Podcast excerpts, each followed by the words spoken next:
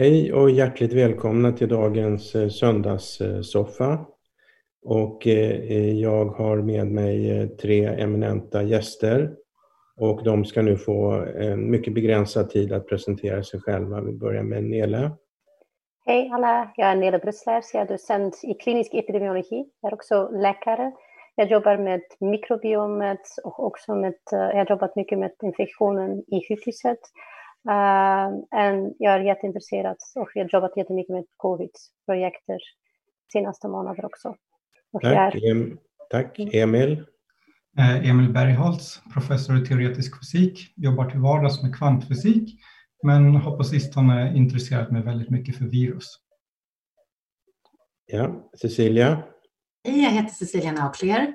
Jag är läkare i botten och arbetar som forskare, professor på Karolinska institutet i något som heter mikrobiell patogenes och det handlar om hur virus och bakterier eh, orsakar sjukdomar. Tack så mycket. Och jag heter Stefan Eidman, jag är professor i molekylär onkologi och eh, överläkare vid Karolinska sjukhuset. Och eh, idag kommer jag faktiskt ut med min nya bok. Nu ska vi se, Konsten att fördärva sitt liv och eh, det ska bli spännande att se hur den blir emottagen. Och idag tänkte vi tränga lite grann på djupet i den debatt som pågår eh, runt eh, pandemin, eh, covid-19-pandemin. Och där haglar fullständigt argumenten och eh, det kan vara svårt att orientera sig.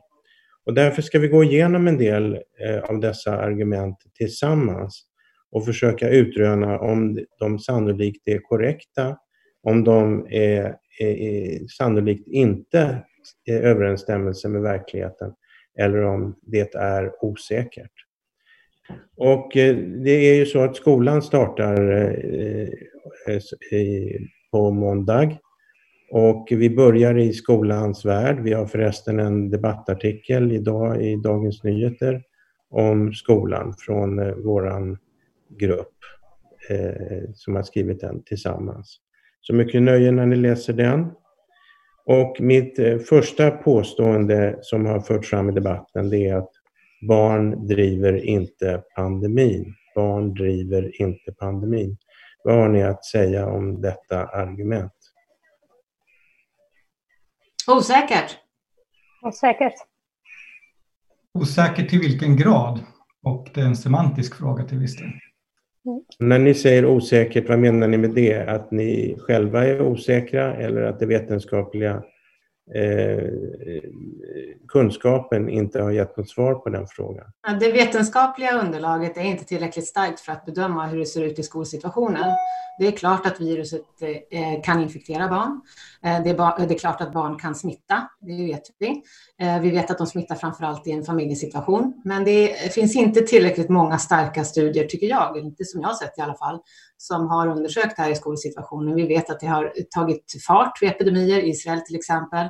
Och vi vet att när skolan har stängt i USA så har antalet både fall och dödligheten minskat.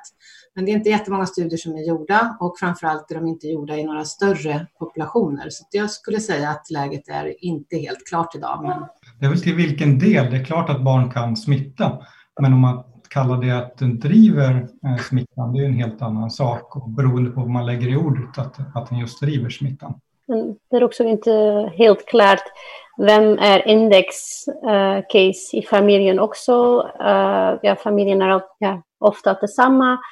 Men vi vet också att barnen kan bli jättesjuka också från covid. Då, kommer jag, då säger vi att detta är osäkert och då kommer nästa fråga att eh, de sociala konsekvenserna av att barnen inte får gå i skolan eh, kan vara större än eh, konsekvenserna av att eh, de får gå i skolan och därmed smittrisken ökar. Vad säger ni om detta påstående? Och hur länge det pågår?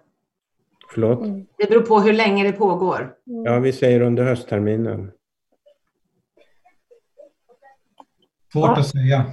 Mm. säga att en sån lång skolnedstängning skulle inte behöva hända om ens en skolnedstängning är alternativet. Det finns ju andra sätt att, att lösa problemen är att göra skolgången säkrare. Så det är en lite komplicerad fråga att ställa så på sin spets, skolgång eller inte. Mm. we also know that kids are very flexible um, and can cope with difficult situations sometimes even better than adults. Uh, so if it's if it's a short term, uh, if if it's just short in duration, it shouldn't have such a big effect. And it doesn't mean that the schools are closed, that all the education activities have to be stopped. There are alternatives, uh, especially now in these times. We, we can have, uh, yeah, there are possibilities for distance learning, even for small kids, uh, to still remain in contact. But indeed, if, if schools are going to be closed for year, a year, for example, then it may have big effects. Uh, and we, we, should also not forget that uh, the school closure may have a bigger effect on those who are socially uh, disadvantaged. Um, so indeed, it's important to think about the consequences as well. But then we should not forget that the consequences of COVID for the kid, for the child and the family can even be worse. Uh, I don't want to think about the effect uh, of uh, a teacher being really sick or even dying on a kid or a kid infecting uh, their parents. So, um, so these are really big consequences, which could have a way longer lasting effect than just a couple of months distance learning, I think. Jag då som är datanörd, jag har inte sett evidens för det ena eller andra, utan det är ett vettigt argument som man har tagit upp i debatten. Alltså att det är mm. många barn som mår dåligt eh, socialt genom att vara hemma och framförallt utsatta barn som kommer från utsatta familjer där man har mycket mm. sociala problem. Där eh, säger det sig nästan själv att det här är inte alls bra för de barnen. Sen är det hur man skulle kunna stötta dem i situationer där man måste stänga skolan på grund av en större smittspridning som man har gjort i i, under begränsad tid i andra länder. Så jag tycker att det är två olika saker. Precis som Emil säger, det vi helst eh, vill fokusera på är just den här debatten är att det finns olika sätt att man kan göra en ansvarsfull eh, skolöppning. Man kan göra mycket för att skydda barnen och lärarna i skolan. Eh, och det är argument som vi tar upp i vår eh, debattartikel som kommer ut idag i DN. Det, då säger vi att detta är osäkert och det för över mig ja. till nästa fråga. Och det, det, kan man lika, är det lika stort eh, smittskyddsinsats att stänga skolorna som att eh, göra maximalt på skolorna för att eh, smittspridningen inte ska ske? Återigen, det finns inga studier som riktigt har tittat på det här, men eh, det finns ju mycket indikationer på att det finns enkla och billiga åtgärder, till exempel som munskydd som vi har förespråkat nu under en längre tid, när man ser att smittspridningen går ner. Det är ett billigt alternativ. Eh, Tegnell sa häromdagen att det är dyrt. Eh, jag anser inte att det är dyrt, särskilt inte om man kan sy de här munskydden i skolan på syslöjden. Så det finns många enkla sätt att göra det. Man kan varva undervisning i skolan, man kan gå halva dagar, man kan gå varannan dag, man kan ha all idrott utomhus. Det finns många olika billiga mm. åtgärder som man kan göra. Men också att uh, separera gruppen, att ha separat lunchpaus. Uh, så barnen är bara i liten grupp, så när en grupp uh, kan bli smittad, en annan grupp är inte smittad, så du kan, det går inte runt i hela skolan. Um, så, ja. så mycket med klassen som det går, precis. Mm. Att stänga skolan får ju naturligtvis effekten att 100 procent av smittspridningen i skolan försvinner. Men det kanske är ett mm. för ambitiöst mål. 90 procent eller till och med 70 procent kanske är det som är optimalt när man väger mot andra aspekter. Mm. Okej, okay, eh, så att ingen vågar säga att det är lika säkert smittskydd att eh, eh, göra de här åtgärderna som att stänga skolorna? Nej, men det kanske är värt att göra det istället. Nej, men, men alla de åtgärder som, eh, som står till bud, så det vi till exempel lärde oss från, eh, från i våras, att de, de regioner till exempel i Tyskland som gjorde en nedstängning, där fick man inte så snabbt kontroll på smitt, smittspridningen som man gjorde när man införde munskydd. Så att mm. bara där lär vi oss av att eh, Eh, ifrån större eh, epidemiologiska observationer eh, och från mindre fallrapporter, till exempel när man har undersökt två frisörer i USA där de hade mm. träffat 137 stycken kunder, haft munskydd på sig. Båda två var sjuka, hade jobbat med symptom, smittat sina familjer, men inte en enda av kunderna hade fått symptom och drygt 60 stycken var testade och ingen av dem hade blivit positiv. Och det är klart, det är en väldigt nära situation. De står under en tid tid i alla fall och, och klipper håret på någon. Det vi pratar om i skolan är att man är i samma klassrum, men man andas ju mycket av samma luft. Så vi vill gärna att man kan vädra så mycket som möjligt när det går, så länge det tillåter eh, vädret tillåter. Men eh, återigen, vi, vi samlas i kort, mindre utrymmen. Det är svårt att hålla avstånd i klassrummen, men det mm. finns sätt att försöka förbättra det. Och sen är det mm. klart att eh, Sverige är ju ett utmärkt tillfälle att studera de här sakerna. Hur går det för smittspridningen i, i skolan och hur ser, eh, eh ser infektionen ut i barnpopulationen. och det har man inte tagit tillfället i akt. Jag hoppas att man kan göra det i höst, att man kan bättre studera eh, olika skolor som har olika åtgärder och eh, ja. hur man ser att smittspridningen utvecklas. Ja, då kommer jag till nästa fråga som är den sista som rör just skolan och det är eh, påståendet att om vi eh, inte öppnar skolorna så kommer det att leda till att människor är hemma med sina barn och det får eh, allvarliga konsekvenser för ekonomin. Mm. Vad har ni att säga om detta? Jag tycker det där är ett inte-argument, därför att det där har inte varit något problem i de, eh, de länder som har stängt sina skolor, när man har pratat om att föräldrar inte kan gå till, eh, till jobbet. De föräldrar som har yrken där man har samhällsbärande funktioner, de ska givetvis få hjälp med barnpassning och det har de mm. fått i andra länder, så jag tycker inte det är något större problem. Sen kan man också diskutera om man skulle göra begränsningar på ålder. Man gjorde ju det i våras när det var gymnasieeleverna som fick stanna hemma och universitetsstudenterna. De klarar sig förstås själva, men det gör ju många barn som, är, det är väl tio år som idag gränsen för fritids. Så att det är inte så att alla barn i mellanstadiet och högstadiet har någon barnpassning idag. Utan In other countries, like in Belgium, when they closed the schools, the schools had to provide, uh, yeah, that the kids should be able to go to school if the parents were working in the hospitals or had essential jobs. So it's not that those people couldn't go to their, their work anymore. So there were alternatives. Uh, so Um, it's not only just closing everything down. Uh, and that's what I also think that yeah, school clo- closure for a very long time is indeed hard uh, for the parents, for the kids. Uh, but it might be an option, for example, if you know that there's an infection, if the infection is spreading in the schools, that at least the parents are informed, that they know, because that has not been happening in all the schools in Sweden. And if there are many infections, then it might be an option to indeed close the school for one, or, uh, for example, two weeks. Uh, but then, uh, but if there are measures taken in the school to indeed limit transmission, uh, like mouth mask for adults, potentials for children, good hand, hand hygiene, good ventilation, then hopefully we can all continue. But we have to be aware that the virus is still around, and that is that's yeah, people can get infected. So testing remains also really important. Det handlar om att vara smart, det handlar om tidsskalor och vara lokal. Det behöver inte handla om att stänga skolor vid behov i hela landet, utan det kan handla om mm. enskilda skolor och för mycket korta tidsperioder. Det handlar inte om att stänga ner under en termin eller ett år, mm. utan om det behövs så gör man till exempel i Tyskland. Eh, ser man ett utbrott vid en skola, då stänger man den skolan mm. snabbt för ett par veckor tills läget har stabiliserat sig man testar, man spårar, man gör allt ja. på plats tills man har läge att släppa på restriktionerna. Och då naturligtvis så fort som möjligt, och det vill alla, ha skolorna igång så normalt som möjligt. Är man mm. smart så kan man med de här eh, insatserna som till exempel Cecilia diskuterar och som kommer i artikeln, mm. då kan man hålla skolorna säkerligen öppna i princip hela tiden. Bara lokalt och korta tider behöver man kanske göra punktinsatser.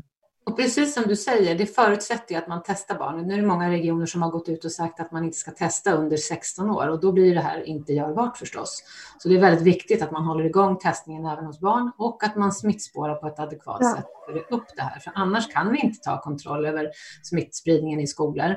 Och precis som du säger Nele, det har ju varit så att i början så hade man informerat skolor och sen stängde man ner det där väldigt snabbt. Då har Skolverkets jurist gått ut och sagt att, att det är inte förbjudet att informera, men det väljer skolan själv. Alltså att det är upp till skolan om man informerar om någon elev är smittad eller inte. Eh, och det där tycker jag är väldigt olyckligt därför att jag tycker att eh, föräldrar har rätt att få veta när mm. smittspridning tar fart i skolor. Ja. Ja, men då tolkar jag det som att begränsad nedstängning av skolan bör inte leda till stora ekonomiska konsekvenser för riket. Nej, och vi hoppas ju att det inte heller ska behövas under längre tider, utan man ska göra det här på ett klokt ansvarsfullt sätt. Ja, utmärkt. Då går vi över till munskydd. Och då har det hävdats att det är ingen bra idé med munskydd för människor vet inte hur de ska använda munskyddet. Det är ett eh, validt eh, argument. Vad säger Nej. du? Nej. Det är Nej. inte så svårt. Min, uh, my four-year-old can perfectly put on a mask, Mm. and he's a superhero then. Han kanske är väldigt, väldigt intelligent. Han är förstås. Uh, but but I, I, yeah, if a four-year-old can can do it, um, uh, and yeah, it's not even if if it if it takes a bit longer to put it on. If you have it on, it may help. Um, You make a game out of it, as you say. You'd be a superhero. Det, det, det, som sägs med det här argumentet är ju att svenskar är mindre begåvade att klara av en sån här uppgift än eh, övriga 170 länder som har infört eh, munskydd eh, är kapabla till. Nästa argument om munskydd är att det är ingen bra idé för att folk petar sig i ansiktet. Är det ett validt argument? Nej, Nej. Varför inte det? Därför man har gjort studier på att man har filmat personer som har munskydd på sig och man har också satt på detektorer och se hur nära de kommer andra personer och de rör sig 50-80 procent mindre i ansiktet. Så att vetenskapligt eh, underlag talar för att det är bättre av munskydd. Man pillar sig inte mer i ansiktet, tvärtom. Nästa argument om munskydd är att det finns inga bevis för att det fungerar. Falskt, nej, Falskt. inte bra, dåligt. There's so mycket evidence from from dynamisk studier till epidemiologisk studier. Så ja, det är evidens. Då, det är ingen stor risken också. Så varför inte? Det finns ju ingenting som har visat att det har negativa effekter, utan vi har bara någonting att vinna. Och eh, eh, sen är det ju så att det är en, en rad samling evidens som tillsammans Mm. ger en sammanfattande bild av att det här är av nytta. Det är av godo, det är ett skydd som, som bör eh, tas tillvara på. Mm. Att, eh, det, är, det är ju inte ett, en enskild studie som ska ge svar på hela frågan. Det är hundratals studier som sammantaget Mm. ger en bild av att det här är något som vi kan använda för att ge skydd till våra vuxna barn och äldre. Yeah, there's no difference in your oxygen saturation levels. And people in an operation theater, surgeons, anesthesiologists, nurses, they wear them the whole day without any trouble. So even if you have asthma uh, or other things, okay, you might have anxiety or something, but then you just have to get used to it. But people wear them the whole day. And even in many Asian countries, they have been wearing them so, uh, when they're outside for years and okay maybe it's not for the yeah it could be for the air pollution or not to get tanned uh, but yeah there it doesn't have any negative health effects to wear them it can only it can only help eh, Det verkar vara en total enighet på denna punkt och då kommer nästa fråga. Det är viktigare att hålla avstånd än att ta på sig ett munskydd. Inget motsatsförhållande. Inget motsatsförhållande. Men frågan är, är det viktigare att hålla avstånd än att ta på sig munskydd? well you can't always take a distance if you're in an elevator if you're in public transport it's not always possible they always have yeah, if there are many people around you just can't keep the distance. Uh, and especially inside if you're outside it's a diff- different story but if you're inside even if you keep distance uh, even if you're in the same room you can still breathe in the infection and spread the infection. So i think both of them are important. Ja, återigen, här saknas ju data som vi gärna vill se när vi ska jämföra studier och då får man förlita sig till vad har vi? Och då vet vi, det kommer en studie i veckan till exempel som visar att det finns infektiöst virus, två och eh, fyra och en halv drygt meter ifrån en person eller två personer på en sjukhussal som är vårdade. Och det är inte så att man har mer virus oftast när man ligger på sjukhus. Ofta har man mer virus innan man blir sjuk, dagen man blir sjuk och eh, dagarna efter, vilket betyder att det är då man kanske åker tunnelbana. Och då säger det sig självt att det- det är inte två till fyra meters avstånd. Om en person står och andas där under en längre tid så kommer viruset att spridas i den här miljön. Har man då på sig ett munskydd istället så har man uppskattat att ungefär 50 procent minskar av viruset som kommer ut från den personen som då eh, kanske bär på smitta.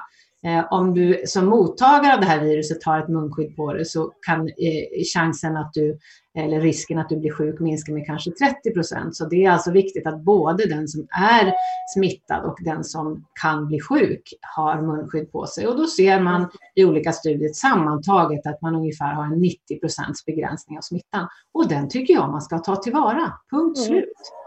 Mm. Ja, och svaret på frågan som jag ställde, för jag är rätt enkelspårig ibland. Är det bättre att hålla avstånd eller att, är det bättre att ha munskydd? Munskydd faktiskt. Du svarar mm. munskydd? Ja. Vad svarar ni andra? Munskydd. The, yeah, it's easier in social life uh, because the holding a distance is not always possible, as I said. Um, Okej, okay, och vad säger Emil? Emil? Jag håller med. Om säg att man måste vara i Stockholm Eh, och måste ta sig till jobbet, då är det bättre med munskydd. Okej. Okay. Jag, jag menar ju eh, att det är en icke, icke besvarad fråga vad som är bäst, avstånd eller munskydd. Men jag får vika mig för majoriteten i det här fallet som hävdar att det är bättre med munskydd. är ni säkra? Ja, men som jag säger, det finns inga studier på det där, utan där får man använda sunt förnuft och försöka bena upp det i de argument som jag pratade om. Och då kommer jag till slutsatsen om att det ändå är bättre att få på munskydd. Därför att det är svårt på tunnelbanan, på bussen, att hålla avstånd. Och mm. även i skolsammanhang så blir eh, din, din luft runt omkring dig kommer snabbt att samla på viruspartiklar. Ja, och då kommer nästa fråga. Det försämrade sociala samspelet att ha munskydd det försämrar det sociala samspelet om folk döljer sina anletsdrag. Är det korrekt eller inkorrekt? Stefan, du ställer så mycket frågor som det inte finns evidens för, som jag känner till i alla fall. Men det är jättebra, då får ni säga att det inte finns evidens. Nej, för det finns det inte. Men eh, inte så vitt jag vet. Ni eller? Emil? Vet ni? Nej, men jag har väl personlig erfarenhet av att det kanske i vissa fall kan drabba det personliga samspelet. Att säga. Ehm, mm. Ja, och jag tänker för de som är döva som behöver se oss prata. Precis. Där blir det jätteknepigt. Jag har sett munskydd komma ut nu med, med plast. Med filtersystem där man kan prata och eh, där det syns hur man rör på munnen för de som då inte kan uppfatta ljud utan som läser på läppar. Det är ju jätteviktigt. Sen tror jag att det är en vanesak. Ja, men det är inte bara döva, det är också personer med en andra uh, språk. Så när mm. du är inte så flytande i en språk, det är också bra att titta på munnen. Mm. Att, um, men annars... Tror inte du att det är en vanesak också, att det är någonting man tränar upp, att det kan vara svårt från början? Och det här är ju någonting som vi inte tror ska få, få vara så här för evigt. Det är en begränsad mm. tid, så de som blir arga på och säger att det här förstör social samvaro, då kanske man ska tänka på att det är just nu vi ska skydda människor istället och att det här mm. inte ska pågå för evigt, utan det är en begränsad tid. Men nu, nu är vi inne på en kringdiskussion. Min fråga var ganska enkel. Förhindrar det, enkel. Förhindrar det, det sociala samspelet? Vad säger Emil? Lite grann, ja. Mm. mm. Men det, jag tycker det är värt det.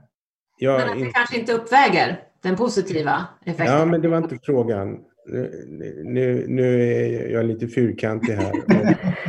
Jag instämmer i de som säger att ja, det har en viss negativ effekt på det sociala samspelet. Ja. Ja, det kan jag hålla med om. Pandemin har en negativ effekt på sociala samspelet också. Det har den också, men vi, vi håller oss till... Vi måste svara på Stefans frågor här. Det är det. frågor som ska tas upp. Därmed mm. basta. Om man strävar efter att uppnå flockimmunitet, det vill säga att så pass många i befolkningen har eh, eh, blivit infekterade med viruset att det uppstår en situation där eh, immuniteten är så utbredd att, eh, så att säga, smittspridningen avstannar av den anledningen. Om man strävar efter flockimmunitet, är det då bra eller dåligt att ha, använda sig av munskydd? Det beror på vilket sätt man vill nå. Om man nu vill få flockimmunitet genom infektion så ja. är det klart att om, om man har munskydd och att det stoppar hastigheten så att säga så kanske man får hålla på mycket längre eh, om man har munskydd. Även om vi nu naturligtvis inte vet att det är, om det överhuvudtaget är möjligt eller inte. Samtidigt ska det då gå ihop med en ekvation att vi ska klara sjukvårdsbehovet för just den här virusinfektionen. Så det, det, det, blir en ekvation som måste balanseras på båda sidor.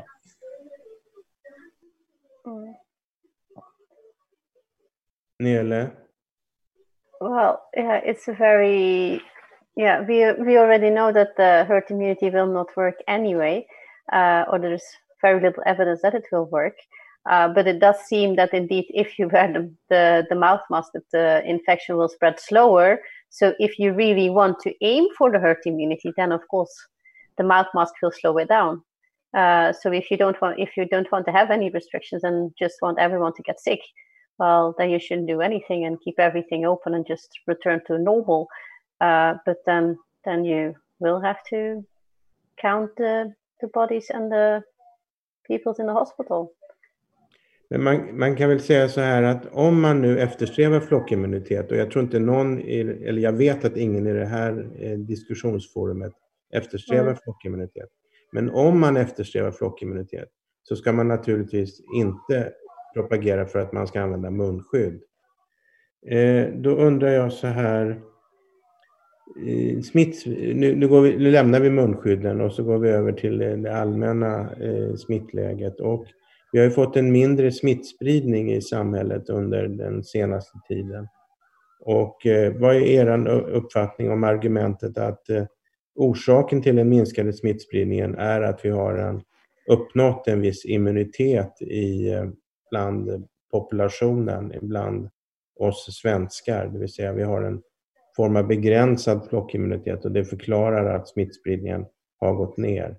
Vad säger ni om det argumentet? Swedish summer.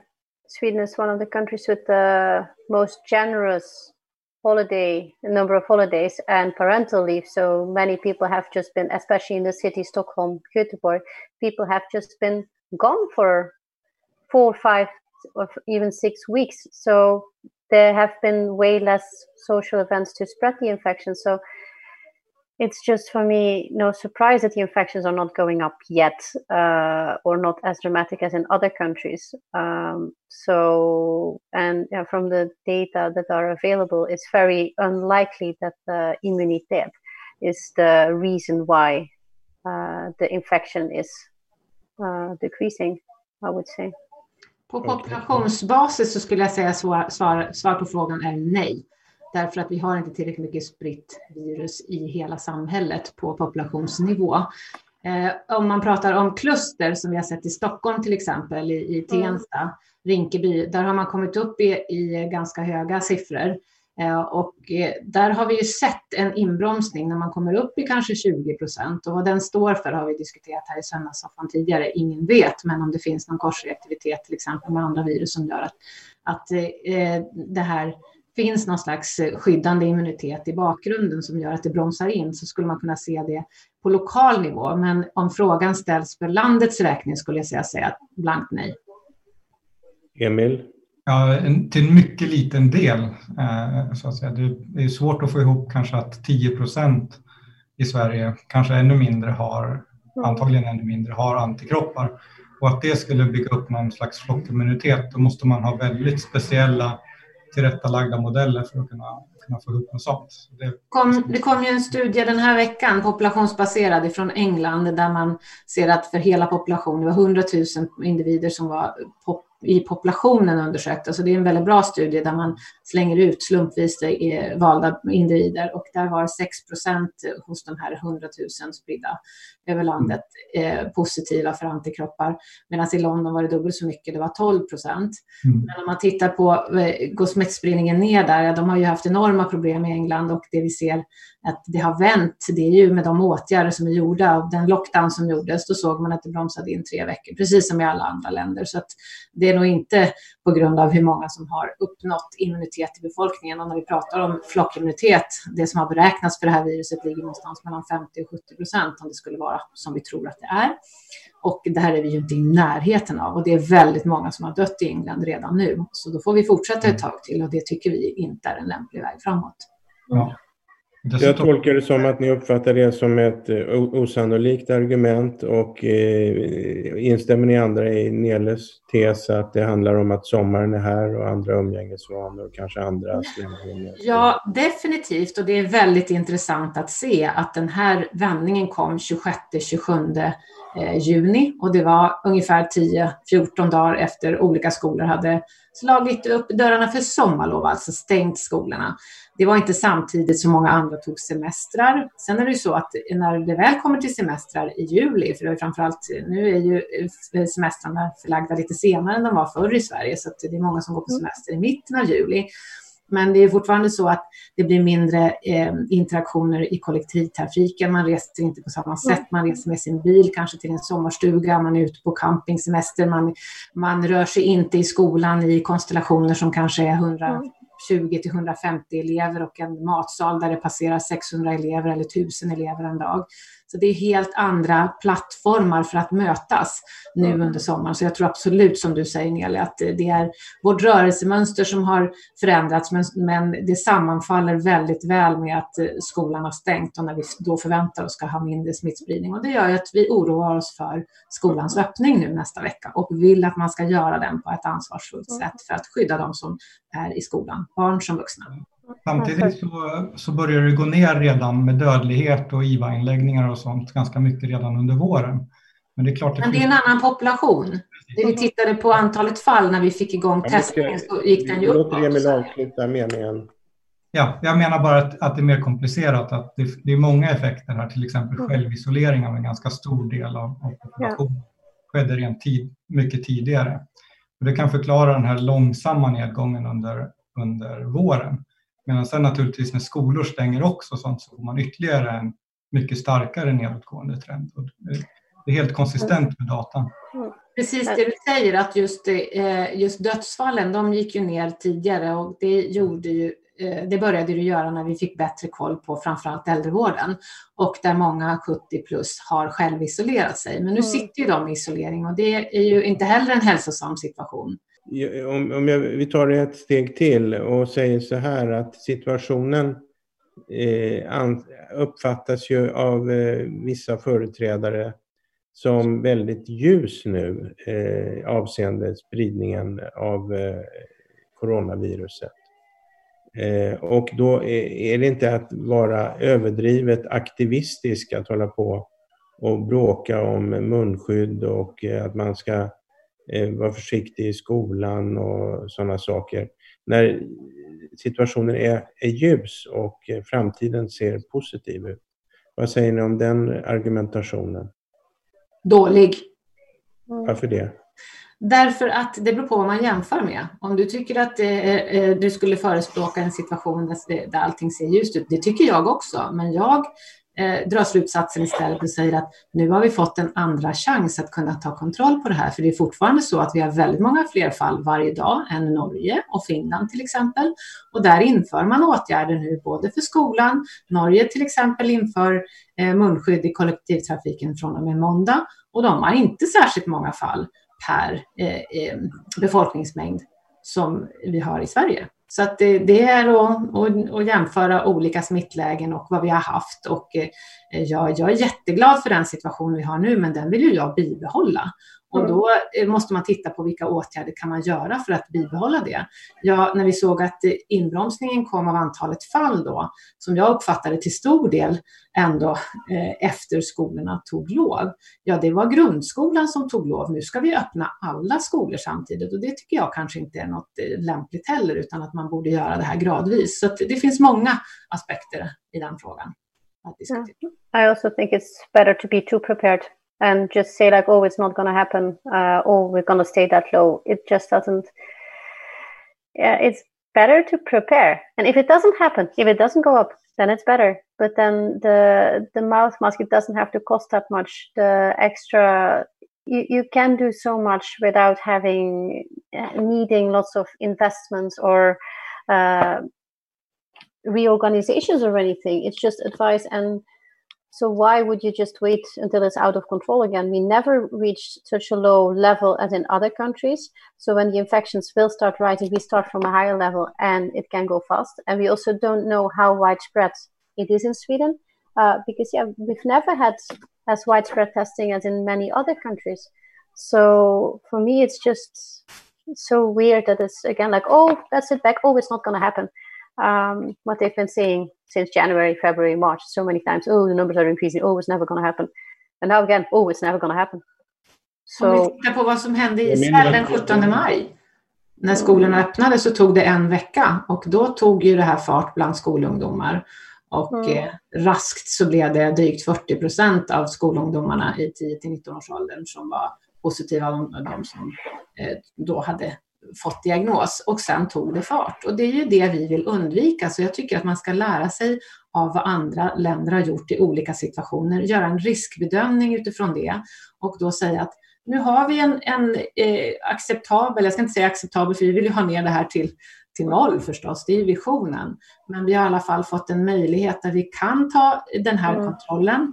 Vi kan eh, eh, testa många personer, det hade vi inte möjlighet från början. Vi måste få mm. bättre koll på smittspårningen, vi måste karantänsätta och göra en ansvarsfull skolöppning, men även då eh, på arbetsplatser, att inpränta det här beteendet hos individer. Och då tror jag att det, att det här kommer att gå mycket bättre än om man inte gör det. Och det är tråkigt att vi ska hamna i en situation där vi får ingen bra kontroll igen och när man inte klarar av att smittspåra för att det är för många. Det är väl bättre att göra det här här och nu när vi skulle kunna göra det. Tack. Emil, vad säger du? Lägga till också det här med vilket perspektiv man har och att det är en rättvisefråga. För tillfället så är det inte så att eh, smittspridningen är, är låg för att den skulle vara så i samhället oavsett vad vi gjorde. Utan man lägger väldigt mycket på de äldre, 70-plussarna, och på riskgrupperna att hålla sig undan. Och det har de gjort nu i mer än ett halvår. Det börjar verkligen bli ohållbart. Jag tycker att man skulle ta ett mer solidariskt ansvar för att tillsammans försöka trycka ner smittan. Istället för...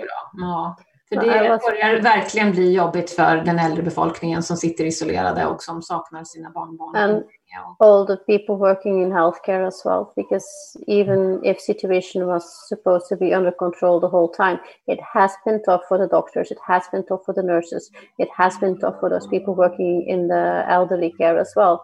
And they are basically at the front line. So they will have to go this disaster in in the hospitals again if the numbers go up they risk their lives they can be infected they will be exhausted. They have to to work harder as well. So for me yeah we also have to think about them as well. And indeed so many people have been in self isolation and yeah you don't see them of course outside in the street. But then yeah in the summer it all works well. You can sit outside you can talk outside as well. But then winter will come. We all know that life people are anyway less social in wintertime as well. So for psychological health, when will it end? When will it end? Mm. Um, so if you don't do anything, it will linger around forever.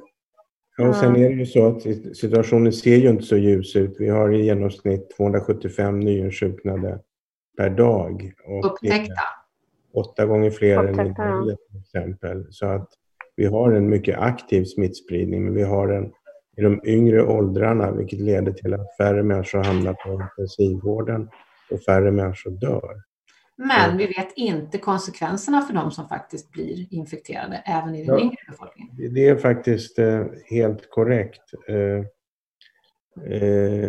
det är en väldigt, väldigt viktig aspekt och det har förvånat mig att den inte har lyfts i debatten på ett mer konsekvent sätt. Alla de som blir långtidssjuka, och som får skador på organ som eventuellt aldrig kommer att läka. Och det här är verkligen ett eh, dolt område som eh, vi, vi, vi kommer att se konsekvenser långt fram i tiden av den här pandemin som vi ja. ännu inte vet som vi idag inte kan överblicka. Och det är nästan det starkaste argumentet, anser jag, att vi kan inte släppa det här viruset framåt, därför vi måste begränsa det, därför att vi vet inte mm. hur det här påverkar människors fysiska och psykiska hälsa på lång sikt. Inklusive barn, vi vet inte Ja, nej, och, men det kommer fler och fler rapporter även om eh, barn, både organskador, svårigheter att räkna matte i skolan, svårigheter att koncentrera sig, svårigheter med mm. inlärning, minne, humörsvängningar och det tycker jag är väldigt alarmerande. Okay. Jag vet inte hur många de är, men det kommer fler och fler sådana rapporter och det gör att man kan inte negligera det här. and those will have a huge mm-hmm. health economic effect as well because people will not be able to go to jobs. Uh, they will need healthcare way long, way more healthcare. We don't know for a long time. Maybe they will have symptoms, lingering symptoms for for years. And that has a huge impact as well. Den förra SARS-epidemin, eh, där hade 20 procent av de som insjuknade inte återgått i arbetet efter ett år. Idag så har vi siffror som visar att någonstans mellan 10 och 20 procent är långtidssjukskrivna har långtidscovid idag. Som vi inte vet hur vi ska diagnostisera. Vi vet inte riktigt vad det är för fel på dem. Vi vet inte vad vi ska göra för att behandla dem eller rehabilitera dem för att få dem tillbaka i arbete. Och, och det här vi, vi har mycket som måste beforskas här och det är inte någonting som man har prioriterat medel för inom svensk forskning hittills i Sverige, trots att vi Nej, kör här genom... Det här är väl ett bra ämne för eh, en söndagssoffa i fram, de närmsta veckorna att prata om långtidseffekter. Men nu går vi vidare och eh, då undrar jag så här. Eh, ett vanligt argument man ser i sociala medier när det förs fram munskydd, att munskydd skulle hjälpa är, men om du vill ha munskydd är det ju bara att sätta på dig ett munskydd. Det är väl inget att tjafsa om. Eh, är det ett validt argument eller icke? Nej. Vad säger du, Emil? Completely get it. Then... Om du, du kan ju välja själv att ha på dig munskydd. Men om du väljer själv att ha på dig munskydd, då kan du beroende på vilket, eh, vilken skyddsnivå du har på ditt munskydd. Om du har ett vanligt munskydd så kanske du eh, minskar risken att bli sjuk med 30 procent. Men om den som är bredvid dig också har det där på sig, ja då minskar den risken med 90 procent om det är någon annan som har andats ut det där viruset. Och det är argumentet tycker jag för att nej, det räcker inte bara med själv. Sen kan du gå med en, en intensivvårdsmask då, då på FFP3-nivå. Då är risken säkert mycket mindre. Så ja, det är ju vad jag har och som mina barn kommer att ha på sig i skolan. Vad säger Emil? Jag håller fullständigt med Cecilia där. Ja, jag också. Ja, det, är, det är ju en altruistisk gärning att sätta på sig munskyddet. Det är ju huvudsakligen för att skydda andra människor. Ja, och vi diskuterade det i förra söndagssoffan. Det är faktiskt inte din rättighet att gå ut och utsätta andra människor för risk. Du gör det inte med mening, för du vet inte vem som är asymptomatisk. Men du behöver göra det du kan idag för att faktiskt undvika att någon annan blir sjuk. Och det är en gärning som du gör, inte bara för din egen skull, utan för andras skull. Eh, Okej, okay. eh, ska vi gå vidare då? Och eh, vad säger ni om argumentet att eh, eller så att säga eh, rekommendationen att om man är sjuk så ska man vara hemma. Om någon i familjen är sjuk och man inte har symptom så kan man gå till jobbet och man ska gå till skolan. Rent ut sagt korkat. Alla på huvudet här. Vad säger Korkat säger Cecilia. Ja, det är korkat.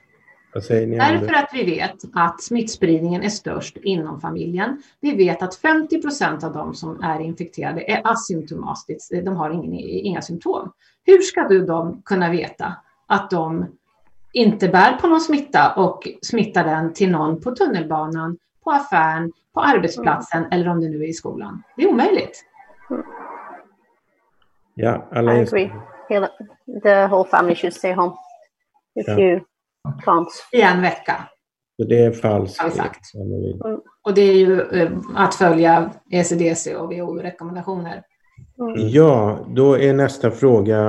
Eh, det är ju så här att äldreomsorgen är hårt drabbad och eh, det har framförts att det är äldreomsorgens, äldreomsorgen ensamma som har ansvaret för att det har blivit så som det har blivit med många avlidna.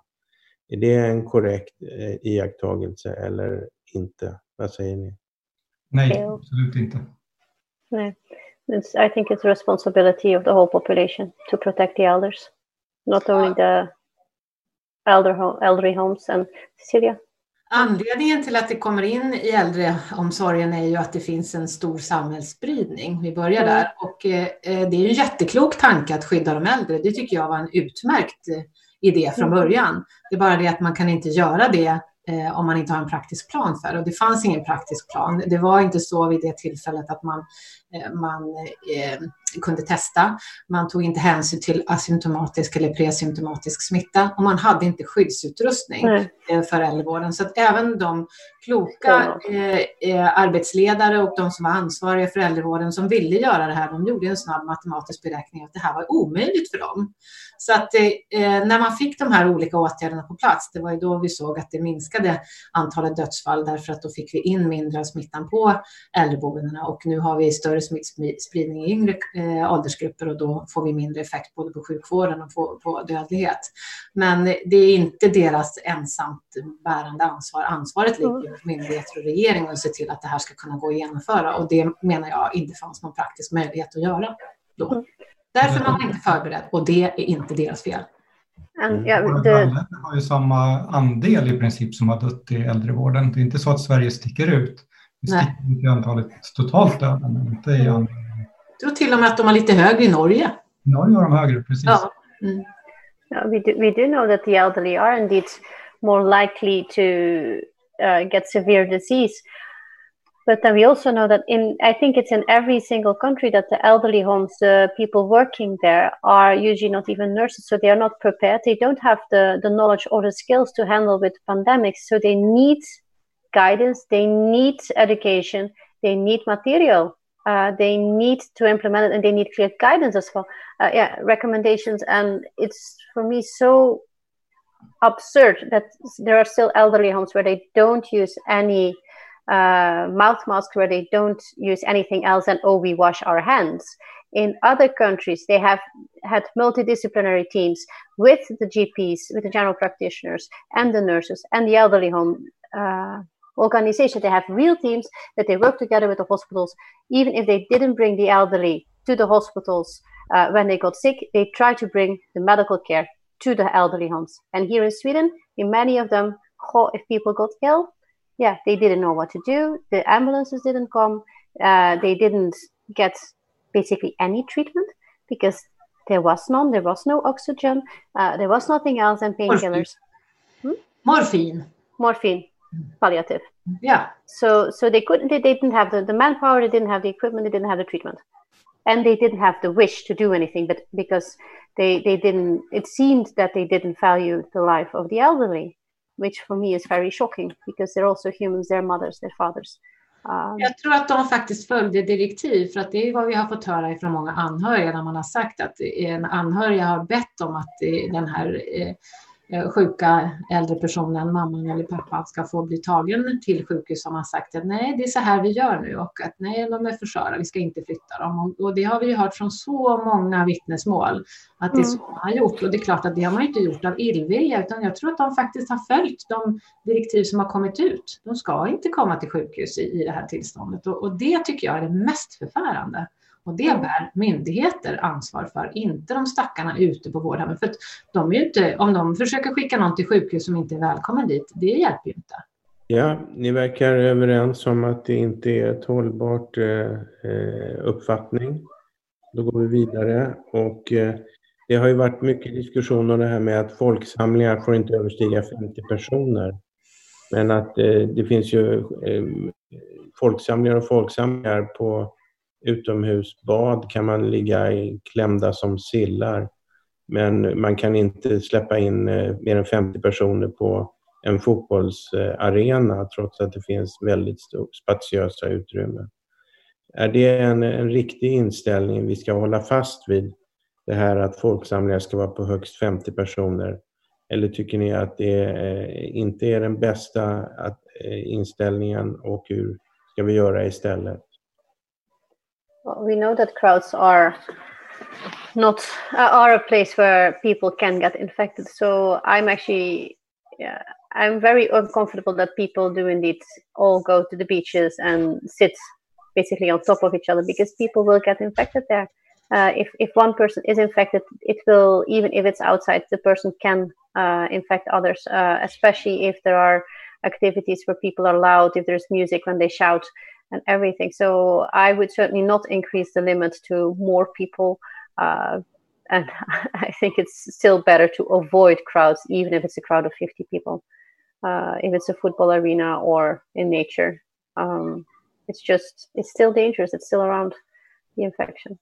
Jag tror att det är en svår fråga. Um, för det finns ju studier som har jämfört med smitta inomhus och utomhus. Och någon som jag såg, det är naturligtvis väldigt stora osäkerheter i de här siffrorna, men att ungefär 20 gånger eh, så riskabelt att träffas inomhus som utomhus. Och eh, på något sätt borde det reflekteras i, i reglerna för eh, hur många man kan vara ute och inne. 50 låter väldigt mycket tycker jag inne under dag, eh, dagens mm. förutsättningar, men 50 å andra sidan väldigt lite utomhus.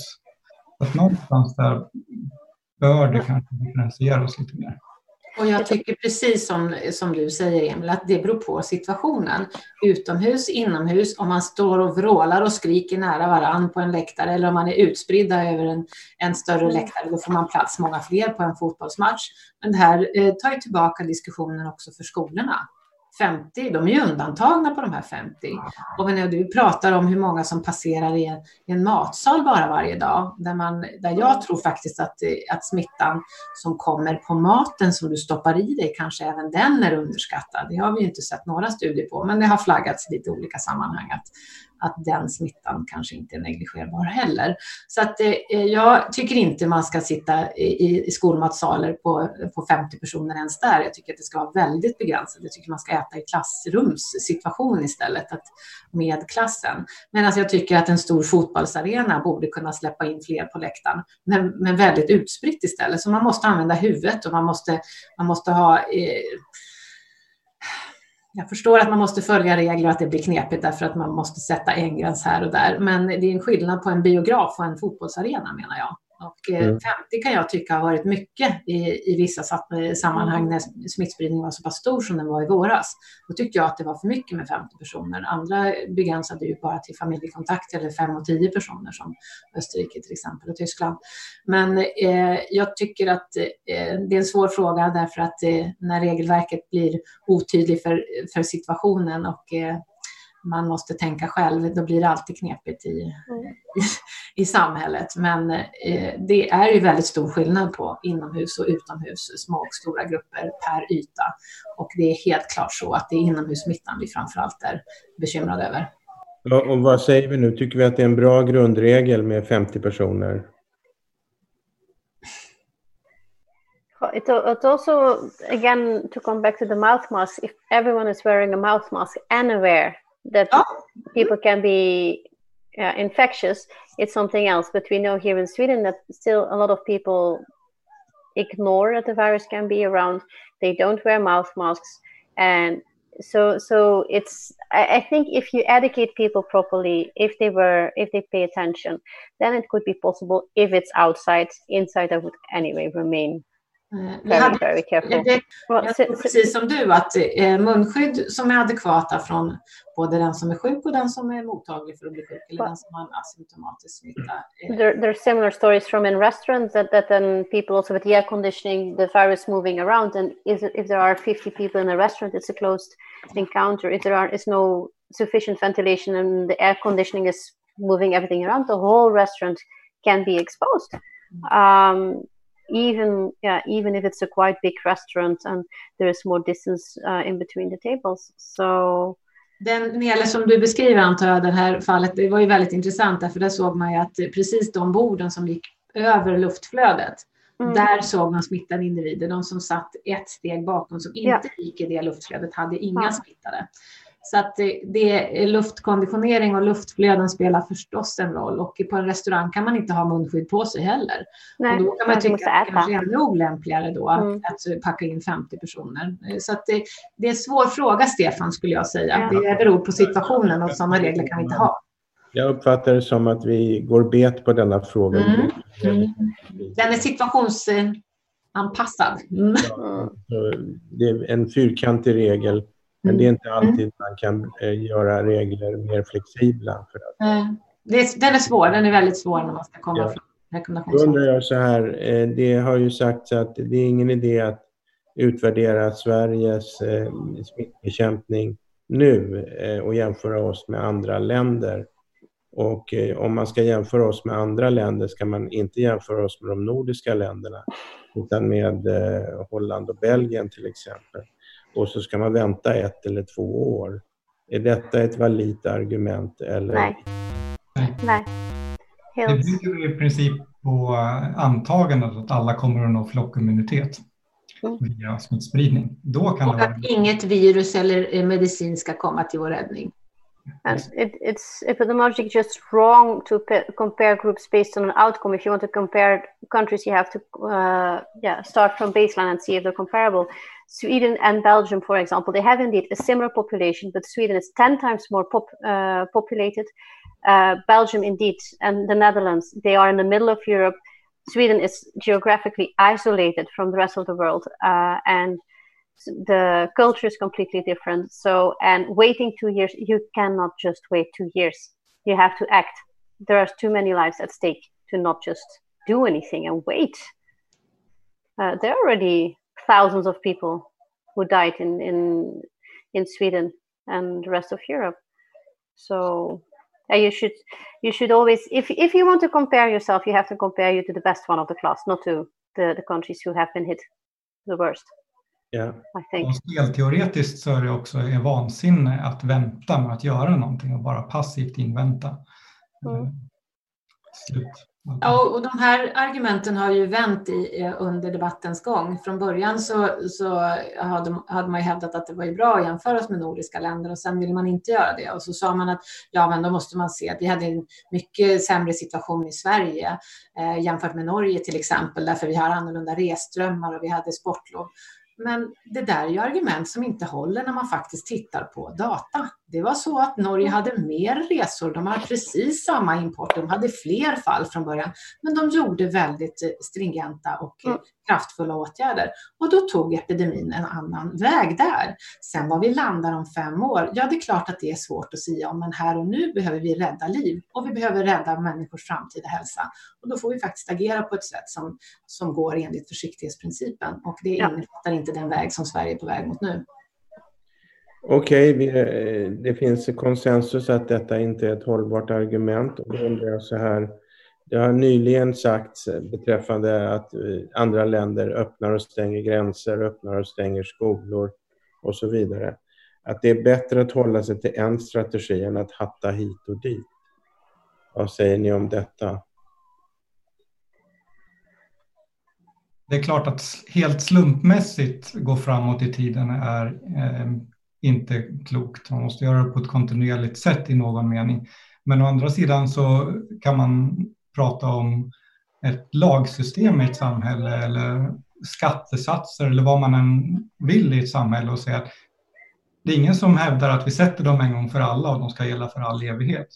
Man måste ha någon slags flexibilitet i systemet så att man kan utveckla sig och anpassa sig efter den nya situationen.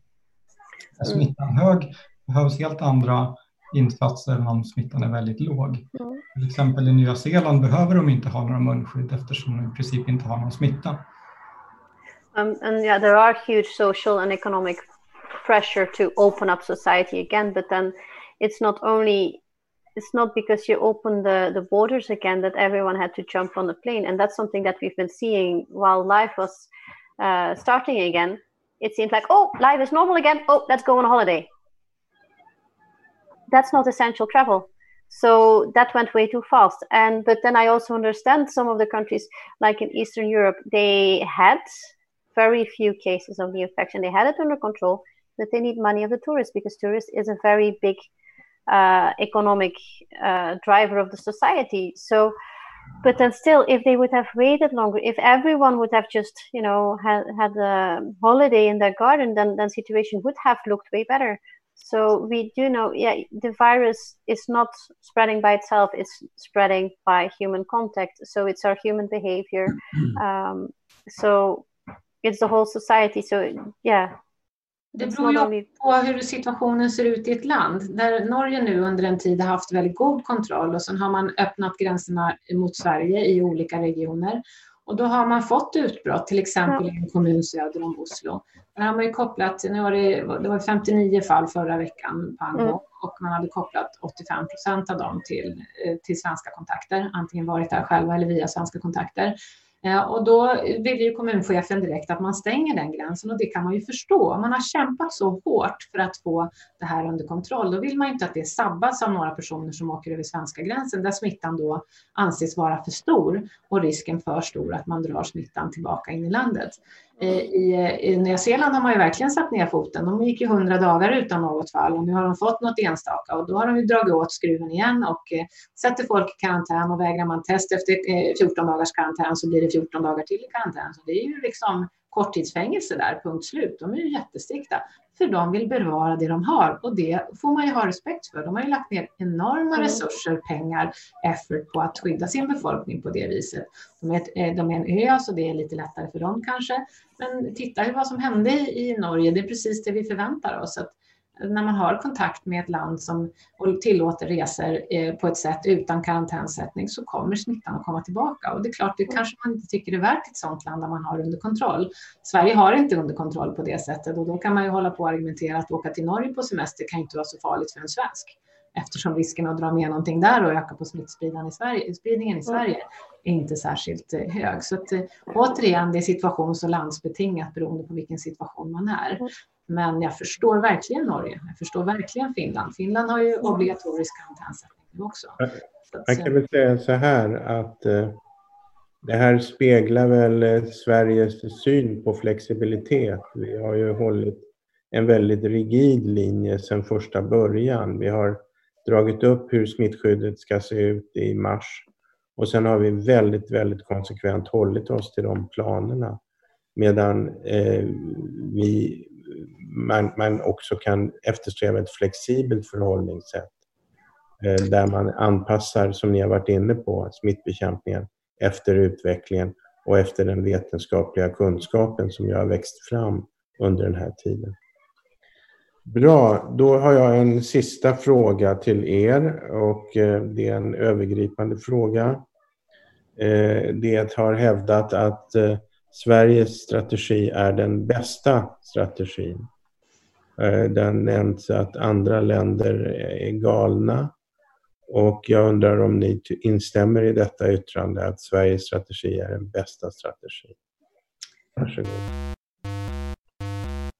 Inte bästa strategi. Nej. Absolut inte. Absolut inte. Men jag tycker det är jätte... Emil, vad säger du? ja, jag, har, den är verkligen inte bra. jag, jag tycker det är jättearrogant att säga att har den, äh, Sverige har den bästa strategin också. Alla länder har jobbat, uh, uh, yeah, the, the, it has been a very tough time for every single country. And so it's, it's just, yeah, you can't just say that you have the best strategy if you have thousands of deaths and if you, your economy is also suffering and if you have so many people who have long-term illness if so many people are just not safe in a country. So i don't see anything why the swedish strategy would be better. Ja eh, har du något att tillägga emil? Ja, det är svårt att hitta någon, även om jag försöker tänka lite nu, vilken variabel skulle man kunna definiera sådan att Sverige kommer ut bäst? Det är verkligen svårt att komma på. Ekonomi not, number of deaths not, number of infections not, testing not, because they still don't do widespread testing. They do it way better in may, way, uh, many other countries, although they have the capacity in Sweden. Information of the public was also certainly not the best because they have not been informing the public very well. Nej, jag, jag, tycker att det, eh, det, är klart att eh, utvärdering här och nu, eh, det är vad vi kan göra av läget som det är just nu. Vi har haft väldigt höga dödstal per capita. Vi har alldeles för många långtidssjuka. I, i juni så var självrapporteringen till Novus 260 000 svenskar med symptom över tio veckor. Stora Facebookgrupper har, har samlat krafter kring det här där man eh, helt plötsligt då har fått en symptombild som har vuxit under våren. Som det är till och med oklart om de har haft det eller inte därför att alla av de här inte ens viruspositiva. Vi har så många frågetecken kring den här patientgruppen. Det kommer fler och fler rapporter som sagt, både vuxna och barn som har organskador av viruset. Där vi inte vet om de kommer att läcka ut. Vi inte vet om barnens fysiska och mentala utveckling på sikt. Och det gör att vi kan absolut inte säga att vi gör rätt saker idag därför att vi kan göra så mycket mer. Vi kan göra saker som inte kostar mm. saker utan kostar pengar. Eh, det är i alla fall i, i, i en liten bemärkelse. Eh, att eh, de åtgärder man kan göra, inte bara stanna hemma när man är sjuk och eh, eh, eh, tvätta händerna och sprita händerna. Det är inte tillräckligt av det vi, vi eh, vi kommer att möta inför hösten, utan att det är bättre att mota Olle i grinden. Så den strategi jag skulle vilja se och tillägg till den strategi som görs idag. För det är klart att det är bra att skydda de äldre, det är bara det att det blir en ohållbar situation. De är ju inlåsta nu på obestämd tid. Och det är inte, det är inte medmänskligt mot dem heller. Eh, vi behöver göra många saker och vi, vi, eh, har ju en stor oro nu för skolöppningarna i veckan och det är enkla åtgärder som gör att vi tror man kan minska risken att det tar fart mm. i många skolor samtidigt. Och jag tycker vi ska ta den. Jag tycker vi ska vara riskobenägna på grund av att vi vet för lite om hur det här kommer att bli på sikt för människors hälsa. Det är här och nu vi kan agera, inte när vi sitter i det där eländet och mm. väldigt många har blivit infekterade. Så att jag tycker svenska strategin är dålig. Mm. Vill ni avsluta med att säga en sak som vi skulle förbättra? Ni får välja en sak var. Vad, vad ska ni välja då? Correct information and education of the public. Ja. I dagsläget skulle jag nog vilja faktiskt få på folk munskydd. För jag tror nog att det enda skulle vara en, om det görs på rätt sätt så tror jag att vi skulle kunna få en begränsning av smittspridningen genom den enkla åtgärden och den vill jag gärna att folk ska få ta del av. Vad säger Emil? Ja, det är svårt att välja en, men skulle jag välja en skulle jag också göra som Cecilia ta munskydd obligatoriskt inomhus i trånga offentliga miljöer, inklusive skolan. Jag skulle, välja, jag skulle välja smittspårning på ett adekvat sätt, inte som det är upplagt nu att man på egen hand ska kontakta de man har träffat, utan riktig smittspårning, testning och sätta folk i karantän tills man vet om eh, man är smittad eller inte. Och det kan jag hålla med dig Stefan om att om man har det under en situation där vi har tillräckligt få fall och vi är ju i gränsfall på det läget just nu, att man faktiskt kan klara av det. Så att det är ju de sakerna man skulle vilja se tillsammans och jag kan nästan ångra mig och hålla med dig där för att smittspårningen är enormt viktig. Enormt viktig och eh, den eh, fallerade man på från när man tog, tog bort smittspårnings incitamentet den 12 mars och sen har det ju svajat efter det och det vi får höra nu rapporter om patienter som har fått ett positivt test så är det inte adekvat eh, smittspårning som sker och den skulle vara väldigt viktig för att kunna begränsa det här. Bara att ändra den galna rekommendationen att familjemedlemmar ska fortsätta gå till arbeten och skola. Bara att göra den lilla enkla ändringen. Ja. Det betyder oerhört mycket. Hörrni, idag är det den 16 augusti. Vi har deltagit i eh, söndagssoffan. Glöm inte att läsa vår artikel i DN Debatt om skolan. Och eh, stort tack för att ni har velat lyssna på oss. Och ska vi avsluta med att vinka till eh, våra åhörare. Jag vill, tack för idag.